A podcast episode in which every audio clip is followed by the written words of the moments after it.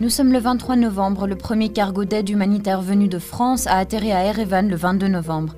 Cet avion, affrété par le Centre de crise de France Diplomatie, a acheminé du matériel médical et des médicaments pour renforcer les capacités du système de santé arménien. L'aide contient également des produits de première nécessité pour les personnes déplacées du Haut-Karabakh qui se trouvent en Arménie. Le président français Emmanuel Macron a également annoncé qu'un second vol humanitaire était prévu le 27 novembre. Selon la collecte de fonds Himnadram Hayastan All Armenian Fund, plus de 2,1 millions d'euros de dons ont été collectés à la suite du phonéton initié par la filiale française du fonds le 22 novembre. Le président français Emmanuel Macron a également visité le siège de l'instance locale de France et a rencontré des volontaires arméniens.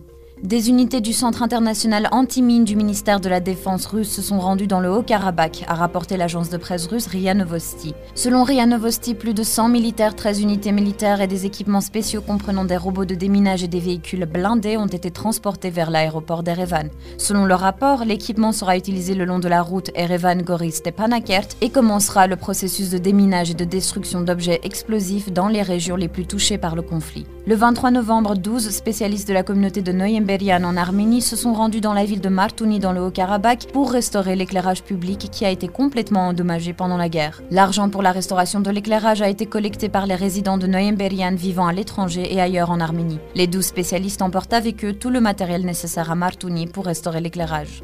La Cour européenne des droits de l'homme, CEDH, a confirmé les requêtes de l'activiste des droits de l'homme Artak Zainalian et de l'avocate Siranush Sahakian. La Cour a décidé de prendre des mesures urgentes pour protéger les droits des militaires capturés lors de la guerre à grande échelle menée par l'Azerbaïdjan contre l'Artsakh le 27 septembre. La pétition a été soumise à la CEDH par les membres de familles des Arméniens captifs et demande de mettre en place des mesures urgentes pour protéger la vie contre les traitements inhumains. La Cour européenne des droits de l'homme a demandé au gouvernement azerbaïdjanais des informations documentées sur le fait de leur détention, leur emplacement, les conditions de détention et les soins médicaux. Le tribunal a fixé une date limite au 27 novembre pour fournir les informations requises. Le tribunal a jugé que le gouvernement azerbaïdjanais n'avait pas fourni d'informations solides et crédibles dans le délai imparti par la Cour. Annie Paitian pour CivilNet.